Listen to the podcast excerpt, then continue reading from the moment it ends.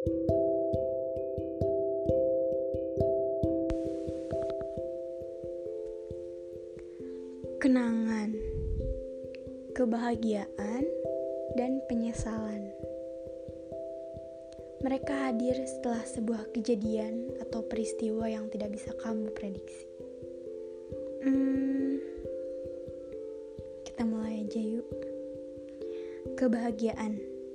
Rasa ini bisa membuatmu merasa senang, berbunga-bunga, dan membuatmu melupakan segala kerisauan yang kamu alami. Rasa ini bisa membuatmu merasa seakan dunia ini hanya milikmu, apalagi perihal cinta. Kamu bisa dibuat luluh dengan kebahagiaan tersebut. Kamu bisa ditaklukkan karena kebahagiaan itu, tapi ingat, bumi itu berputar, ada masanya. Kita didatangi masalah yang membuat kita lupa bagaimana rasanya bahagia. Lucu ya. Hmm, penyesalan.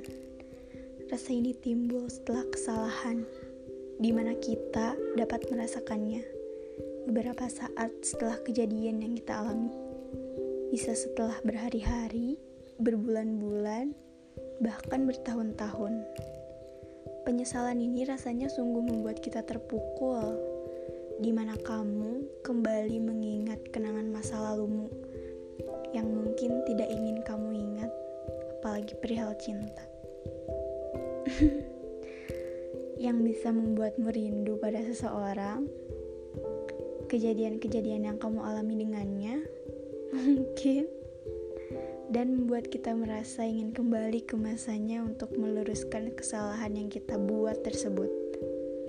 Semua ini menjadi kenangan, ya, kenangan. Suatu saat nanti, kamu akan merindukan saat-saat yang kamu alami sekarang. Dan ini sangat terasa di mana sekarang kamu sedang merindukan masa lalumu. Kamu mengingat dan merindukan masa lalumu itu. Dengan kenangan, ini bisa membuat kita merasa sedih dan bahagia. Itu tergantung pada kejadian yang kita alami. Dan dari kenangan inilah bisa merubah kamu dia membentuk kita agar bisa berubah untuk menjadi lebih baik di masa yang akan datang.